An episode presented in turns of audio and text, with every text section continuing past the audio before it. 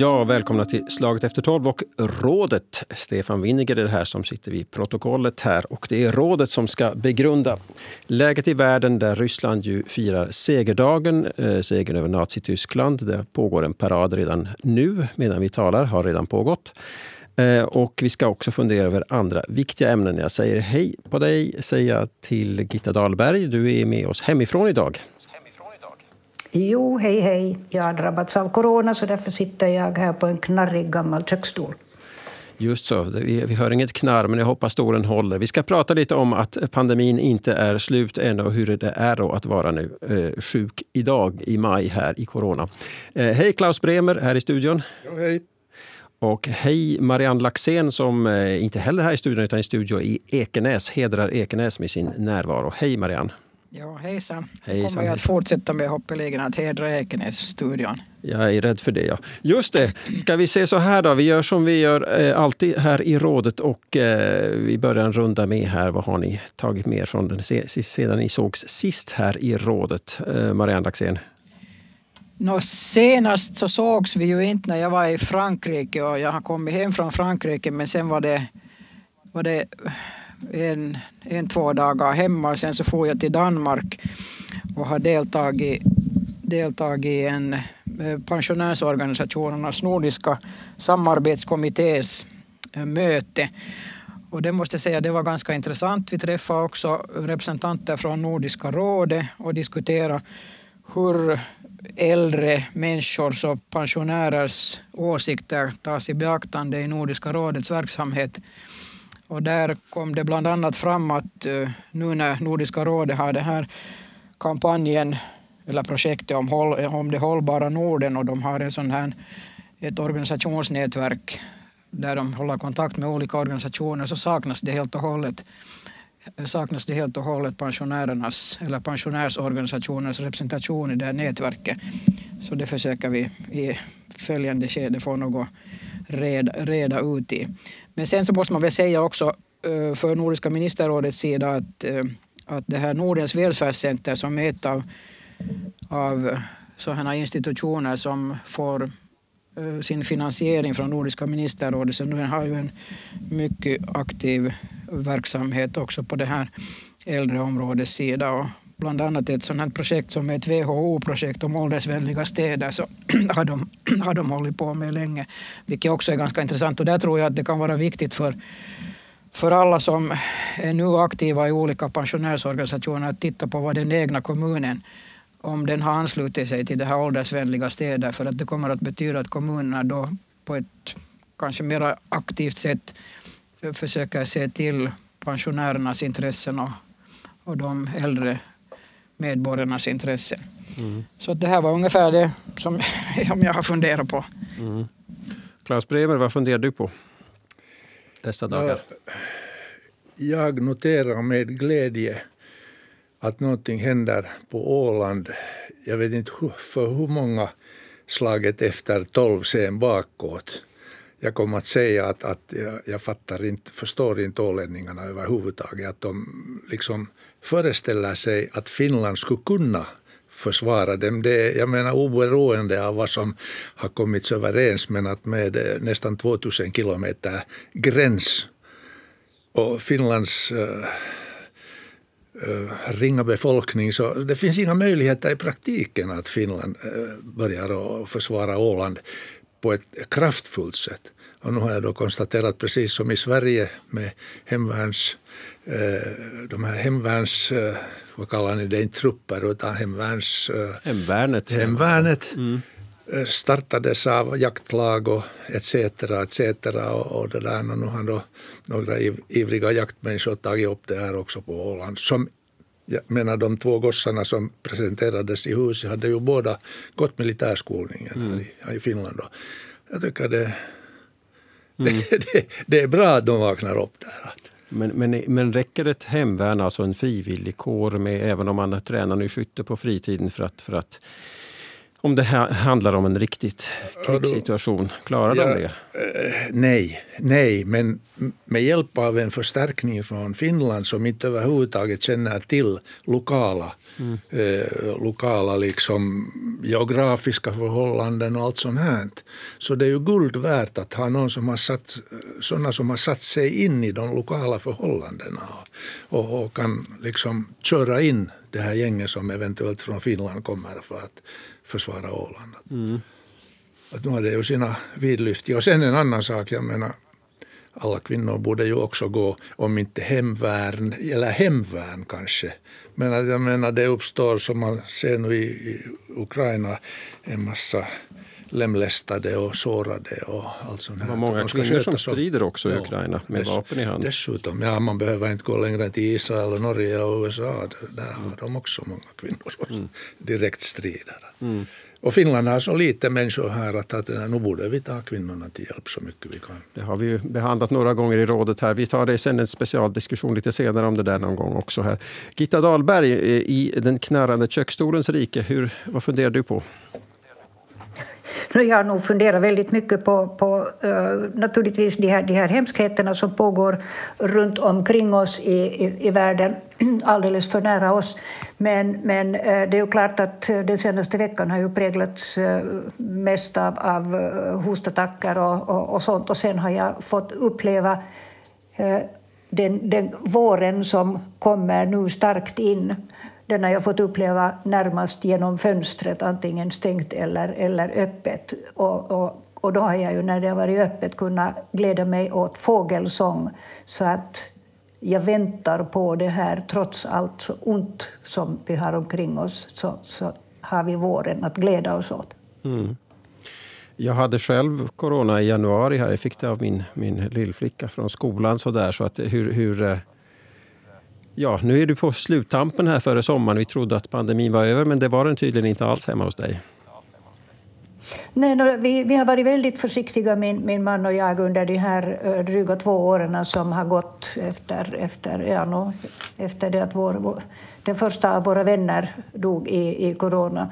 Men uh, nu förra veckan, så, så, eller före, strax före eh, uh, valborgsmässoafton, så, så deltog jag i, i två sådana kul- kulturevenemang, inte av, av s- någon våldsam storlek men på, under någon deras så har jag tydligen fått den här smittan och, och nu har jag sällskap av min man Just så. i samma smitta.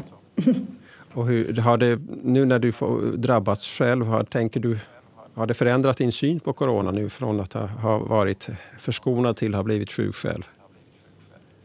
Nej, nej, inte det minsta. Den, den, den har nog eh, bara eh, stärkt mig i tron att man ska ta det så försiktigt man kan när man hör till riskgruppen och inte ge upp de här eh, maskerna. Jag, menar, jag har blivit smittad trots mask. Jag har använt mask hela tiden.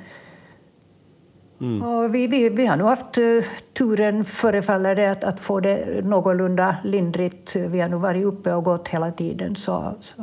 Men, men eh, inte det är ju skojigt, det är det inte. Man får en massa egendomliga nervsmärtor och så kommer som blixtar och, och så där. Så att man kan få all, allt möjligt. Det är en provkarta på alla onda saker som kan drabba kroppen. Det, det förvånar mig det här med tilltron till maskens betydelse. Jag tycker att det är helt Jag är vilseledande. kirurgdotter, så, så det är kanske naturligt för mig. Jag tycker att det är helt vilseledande för det var de här bobborna och smittorna kommer, det är ju via händerna. Man borde ju ha handskydd på sig för att var man än tar i ledstänger i trappor och, och stöd i, i allmänna transportmedel. Var man än rör sig så finns det troligen de här bobborna.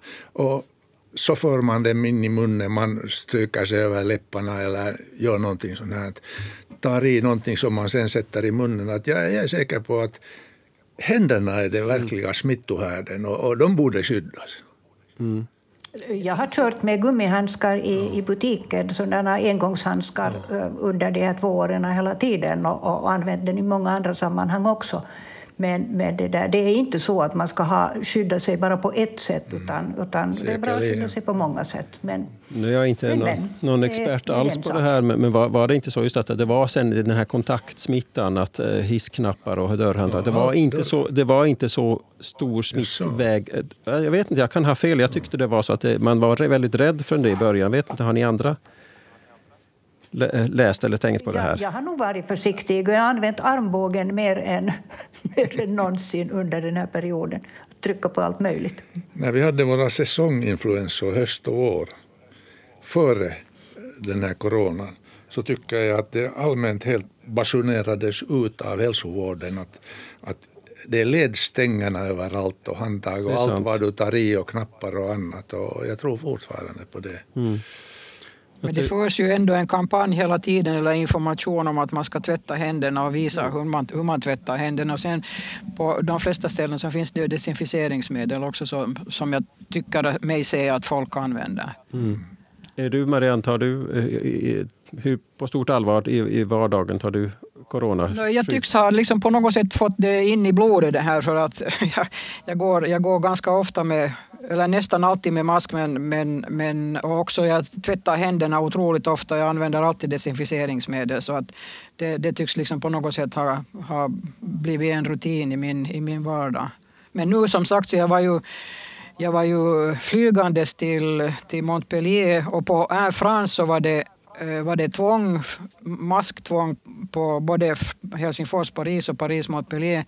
Men sen när jag åkte till, till Köpenhamn på SAS så då behövde man inte ha maskerna på men en del hade ju i alla fall där på flyget maskerna på. Mm.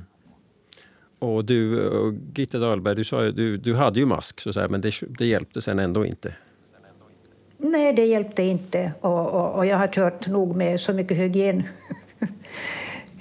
med alla de här som eh, följt alla hygienföreskrifter väldigt noggrant. Så att, att eh, har man otur så har man otur. Och, och, och den, den, är ganska slug den här omikronen. Den går, den går väl genom vad som helst ifall man inte sätter sig i en glasbubbla. Mm. Jag har inte använt mask just alls, vilket inte är någonting att skryta med, men att jag, jag bara glömmer bort det och tycker det är obekvämt. Däremot har jag vansinnes tvätta mina händer överallt. Ja, Just så. Men, men om vi, om vi vad heter det, breder ut det här ämnet lite och tittar på hur det ser ut i världen så sa du ju just i nyheterna här i radion att, eh, att Peking nu tänker, eller har stängt av hela stan. Och det är ju lite hurjade om det är en sån här miljonstad som, där ingen får röra på sig. Och, och Shanghai hade ju varit hur var det, 25 miljoner som sitter hemma. Så att i, det, i, i, i det fallet så är det ju väl kanske mycket strängare bud i Kina än vad det här i Finland. Trots att då man på THL har varnat för att inte det är slut med den här pandemin än och, och människor kanske har lite släppt sig för lösa här. Mm. Jo, vi hade ju Mika Salminen från THL här för häromveckan här i Slaget ja. efter tolv och han sa att alltså, om, man, om man är i riskgrupperna då ska man ju skydda sig men de som inte som är unga och friska och inte är i riskgrupperna de måste se till att leva nu också helt enkelt. Att, att man kan inte för evigt så som kinesernas, kinesernas principer är lite orimliga för våra förhållanden. Där går det att köra igenom sådana här förbud men att där går det, här går det inte.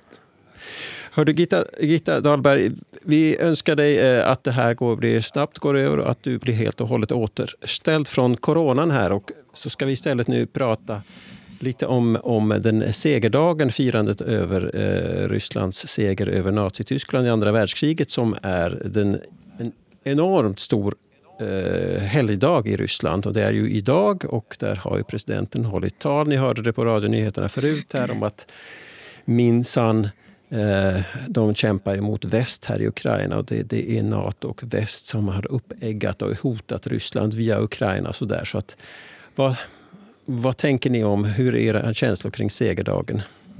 Jag har tänkt, tänkt mycket på det där. Om jag får säga att, att det, där, det som förvånar mig är att man i Finland vet så lite om den stora hjälp som USA gav åt helt stenålders utvecklingsgradens Ryssland, då före eh, andra världskriget.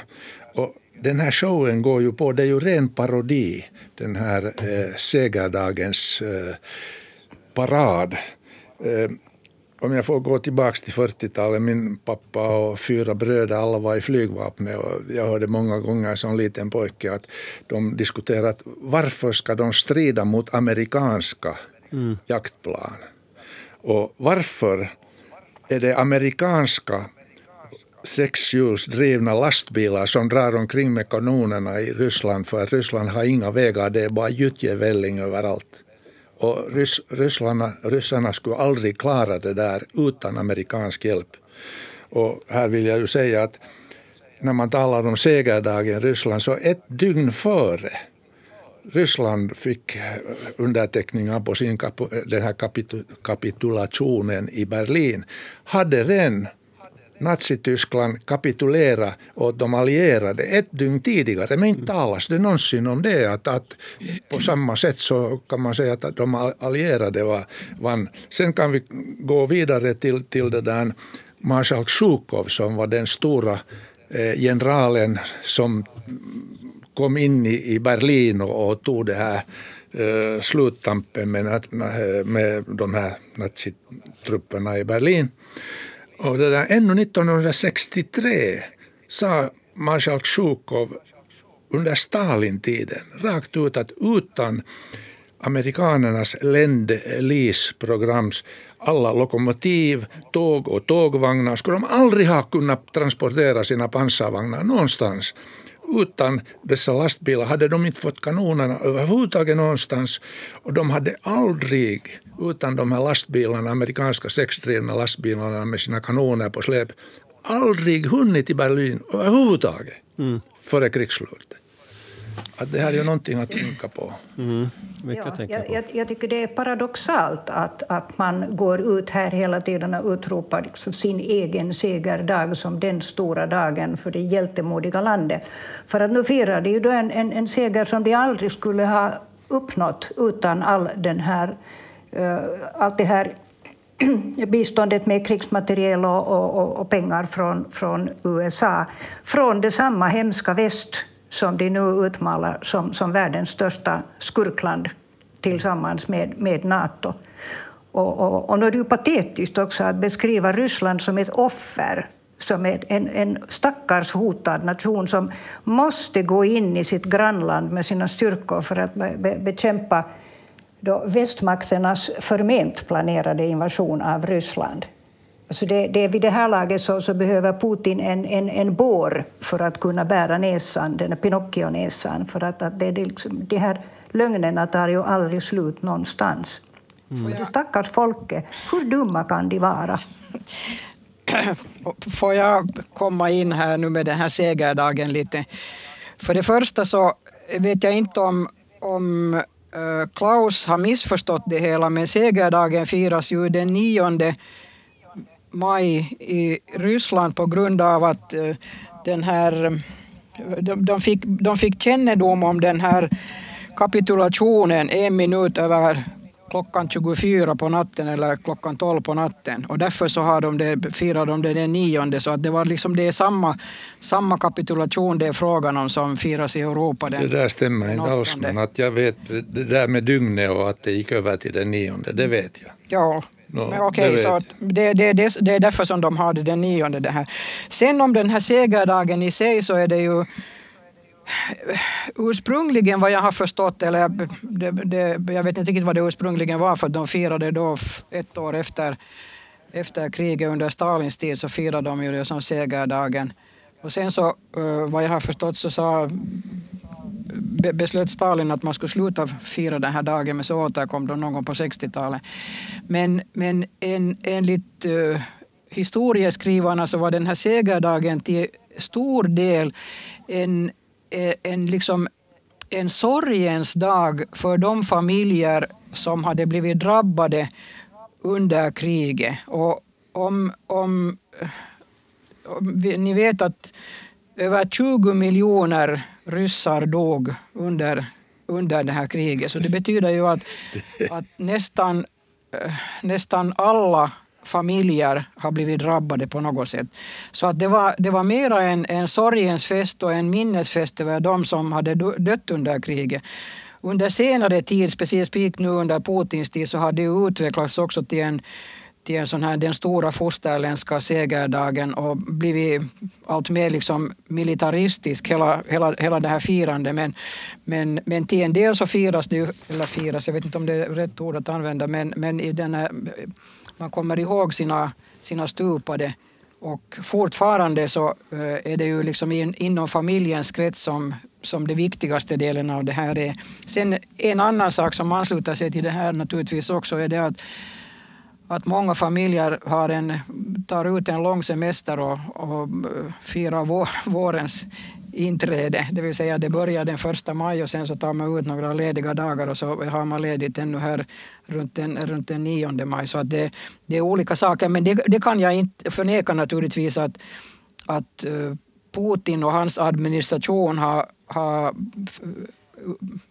utvecklat den här segerdagen till en manifestation för det stora och mäktiga Ryssland som de tror att är stort och mäktigt eller som de hoppas på att är stort och mäktigt. Det, det är Marianne, inte mycket som har ändrats eh, till idag. Du säger att Ryssland tappar 20 miljoner stupade. Eh, ett talesätt som kom upp efter andra världskriget var att Hitler sa att ich hatte die Klasse, vältränad militär var på, på äh, Stalin sa ja, aber ich hatte die Masse. Mm. Vi hade massan. Nämligen slaktoffer. Precis. Och så säger, Ro så, säger Rose så, så, säger Roosevelt att ja, aber ich hatte die Kasse. Mm -hmm. Men när man nu ser vad som händer i Ukraina, fortfarande har Ryssland die Masse. Mm. Otränad, otränad personal, eh, uråldrig beväpning, uråldrade fordon när man tittar på vad de transporterar på sina järnvägsvagnar. Pansarvagnar som är inte up to date, som är uråldrade. Och samma med kanoner. Ineffektivt befäl, handfallen strategi, men de masse is mm. ännu. Från olika republiker runt omkring att nu är det ju... Sänder kanonmat på ett mycket, mycket sorgligt sätt. Alla de här mammorna som nu då kunde ha firat en morsdag med, med sina barn eller ens telefonkontakter med sina barn, så de, de vet aldrig om deras barn kommer hem igen. Hustrurna vet inte om deras män kommer hem igen. Men det spelar ingen roll för, för eh, Putin. Det, och det är i och för sig inte någonting nytt att det inte spelar någon roll för Ryssland hur många människor man offrar så länge härskaren sen då kan utropa sin segerdag, möjligen, i slutändan av, av ett krig. Och det här är ju inte ens ett krig, det här är nu bara någon slags operation eller övning eller vad, vad nu Putin låter folk förstå att, att det är. Men det märkliga är då, som ni sa, liksom, att hur dumma kan, kan ryssarna vara när, när de uh, kan gå på den här valsen att det är nödvändigt att gå utanför sitt eget lands gränser för att försvara sig mot en, ett fiktivt anfall. Mm.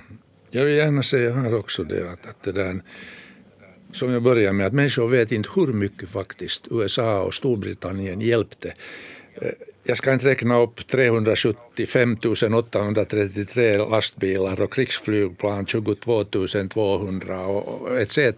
Men i pengar, USA gav för ett nominellt värde 11 11,047 miljarder dollar.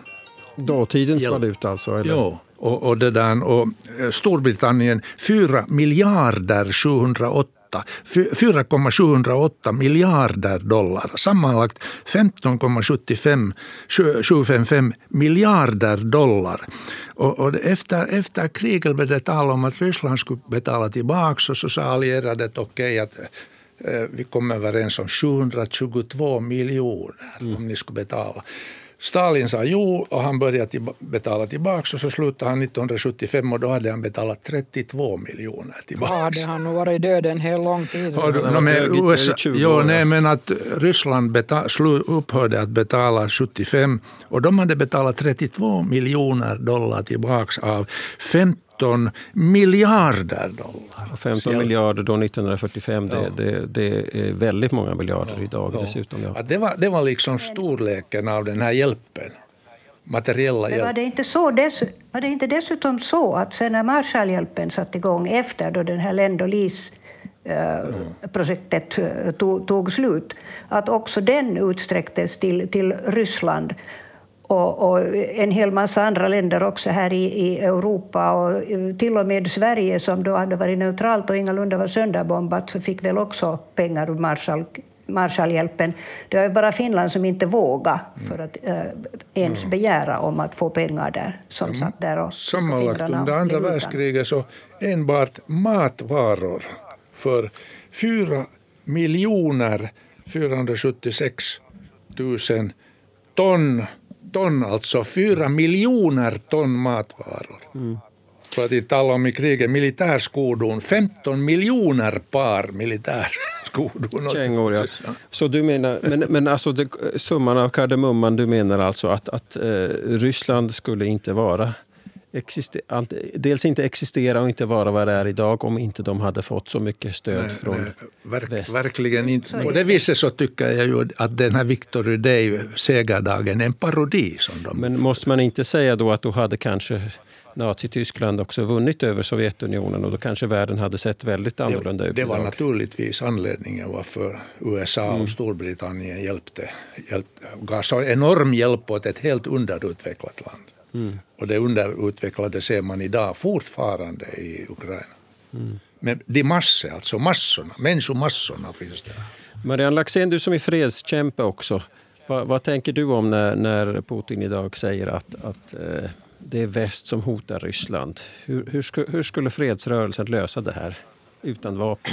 För det första så måste jag säga att jag jag är fredsvän, inte fredskämpe. Det finns en organisation som heter Fredskämparna och till den hör jag inte. Jag hör till Fredsförbundet.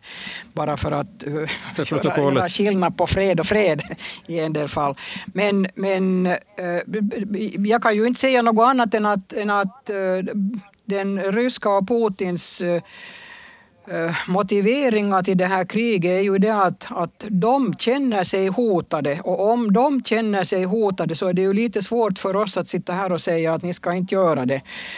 Om hela den politik som vi har fört under, under de här vad ska vi säga, 20 senaste åren under Putin har vi varit, vi borde ha varit medvetna om den här utvecklingen och han har ju från någon gång i mitten på 2010-talet också uttalat sig för en, en, en annorlunda utrikespolitik än, än vad man hoppades på här i väst. Så att eh, på ett sätt så är vi ju liksom och också, det måste jag också säga, freds, uh, fredsrörelsen är tagna på sängen. Att, att han verkligen har menat allvar med det vad han har sagt. Att vi har inte liksom velat lyssna på det öra eller med det öra.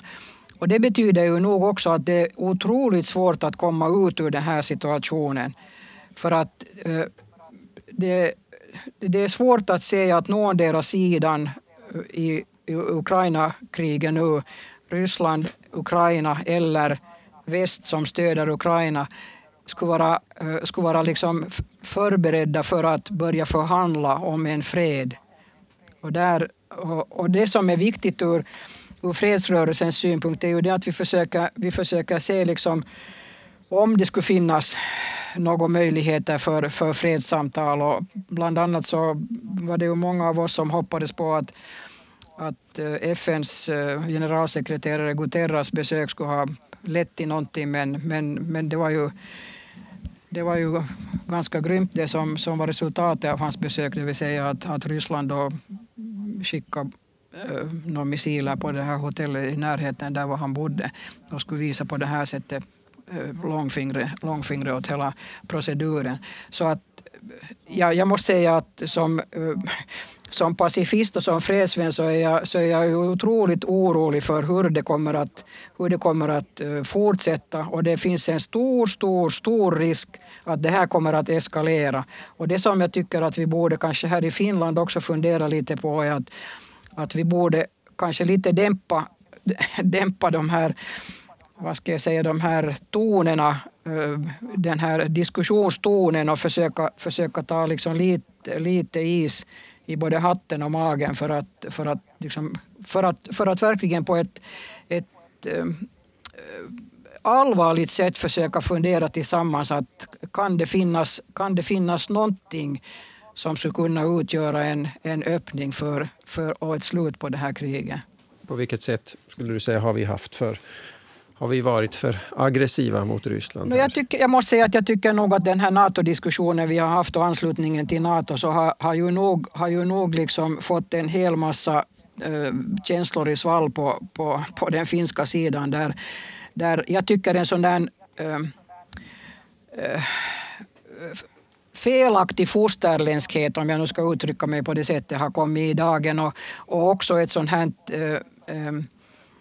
liksom på ett sätt ett uttryck för, för ett rysshat som jag vet inte om jag hat är det rätta ordet. Ja, där, där är jag nog helt av annan Okej, men får jag, får jag säga ja, bara jag det här, jag är inte riktigt ja, säker på att det där rysshatet var det, var det rätta ordet, men, men ett förakt för Ryssland. Och, och, och, och jag, jag, kan, jag kan förstå att man, att man inte Eh, acceptera Putin, eller man ska inte göra det heller, och Putins administration.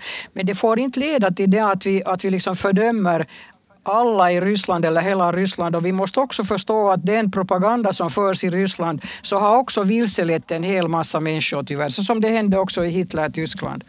Mm. Ja, så, så, så är det. Men jag, jag, jag måste nog säga att jag, jag, jag tycker att den har varit väldigt saklig på det hela taget synnerligen saklig den här debatten i, i Finland och jag tycker att det inte har funnits just några överslag. Det är klart att det kan finnas på de sociala medierna så finns det ju de här eh, sabelskramlarna på, på vardera sidan men, men jag tycker att, att inom, inom det, där, det politiska beslutsfattarskiktet så, så har det varit mycket, mycket hovsamt. Och, och, och jag måste nog säga att, att när till och med, till och med då, eh, personer som, som tidigare har, har varit eh, absolut emot Nato nu eh, under den rådande situationen väljer att, att flagga för Nato.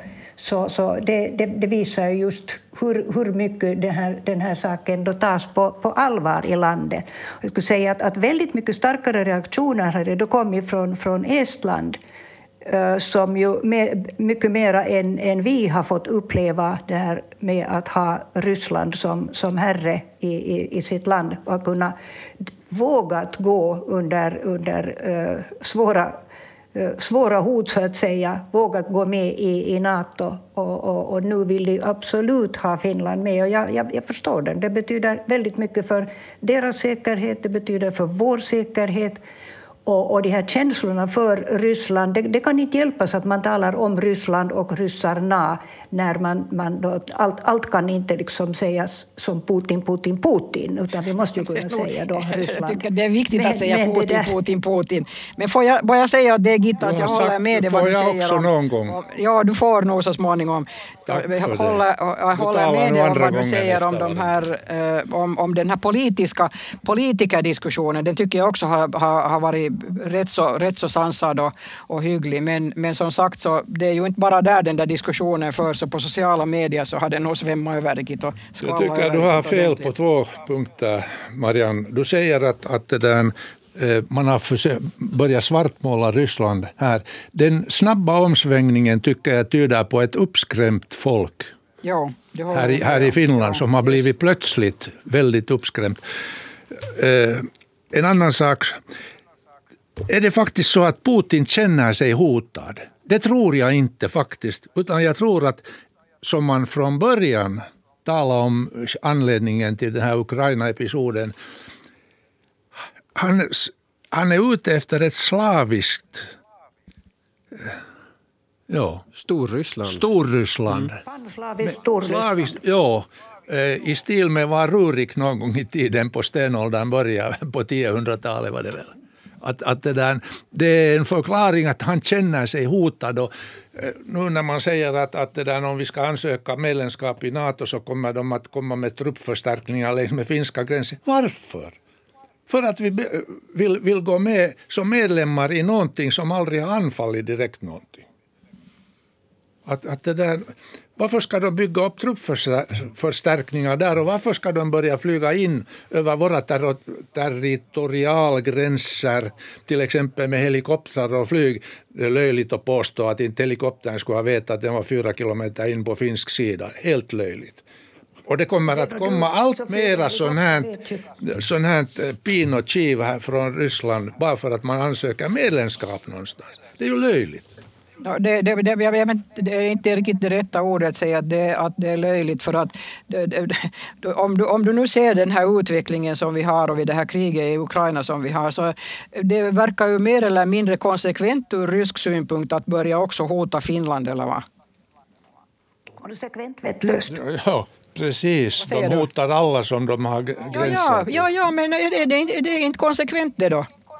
Ja, men varför ska de hota? Varför ska de hota oss? För att de känner sig hotade. Nej. Av, av lilla Finland de, de, det, Nej, av stora NATO, förlåt det, nu. Det tror jag överhuvudtaget inte att Putin känner sig hotad. Det är en förklaring för vad han håller på med i Ukraina och eventuellt jag menar andra sidan i Asien, Tjetjenien och andra. No, utgångspunkten, och utgångspunkten många gånger har ju varit det här att, att Nato har utvidgat sig långa vägar österut sen Eh, sen 1990-talet.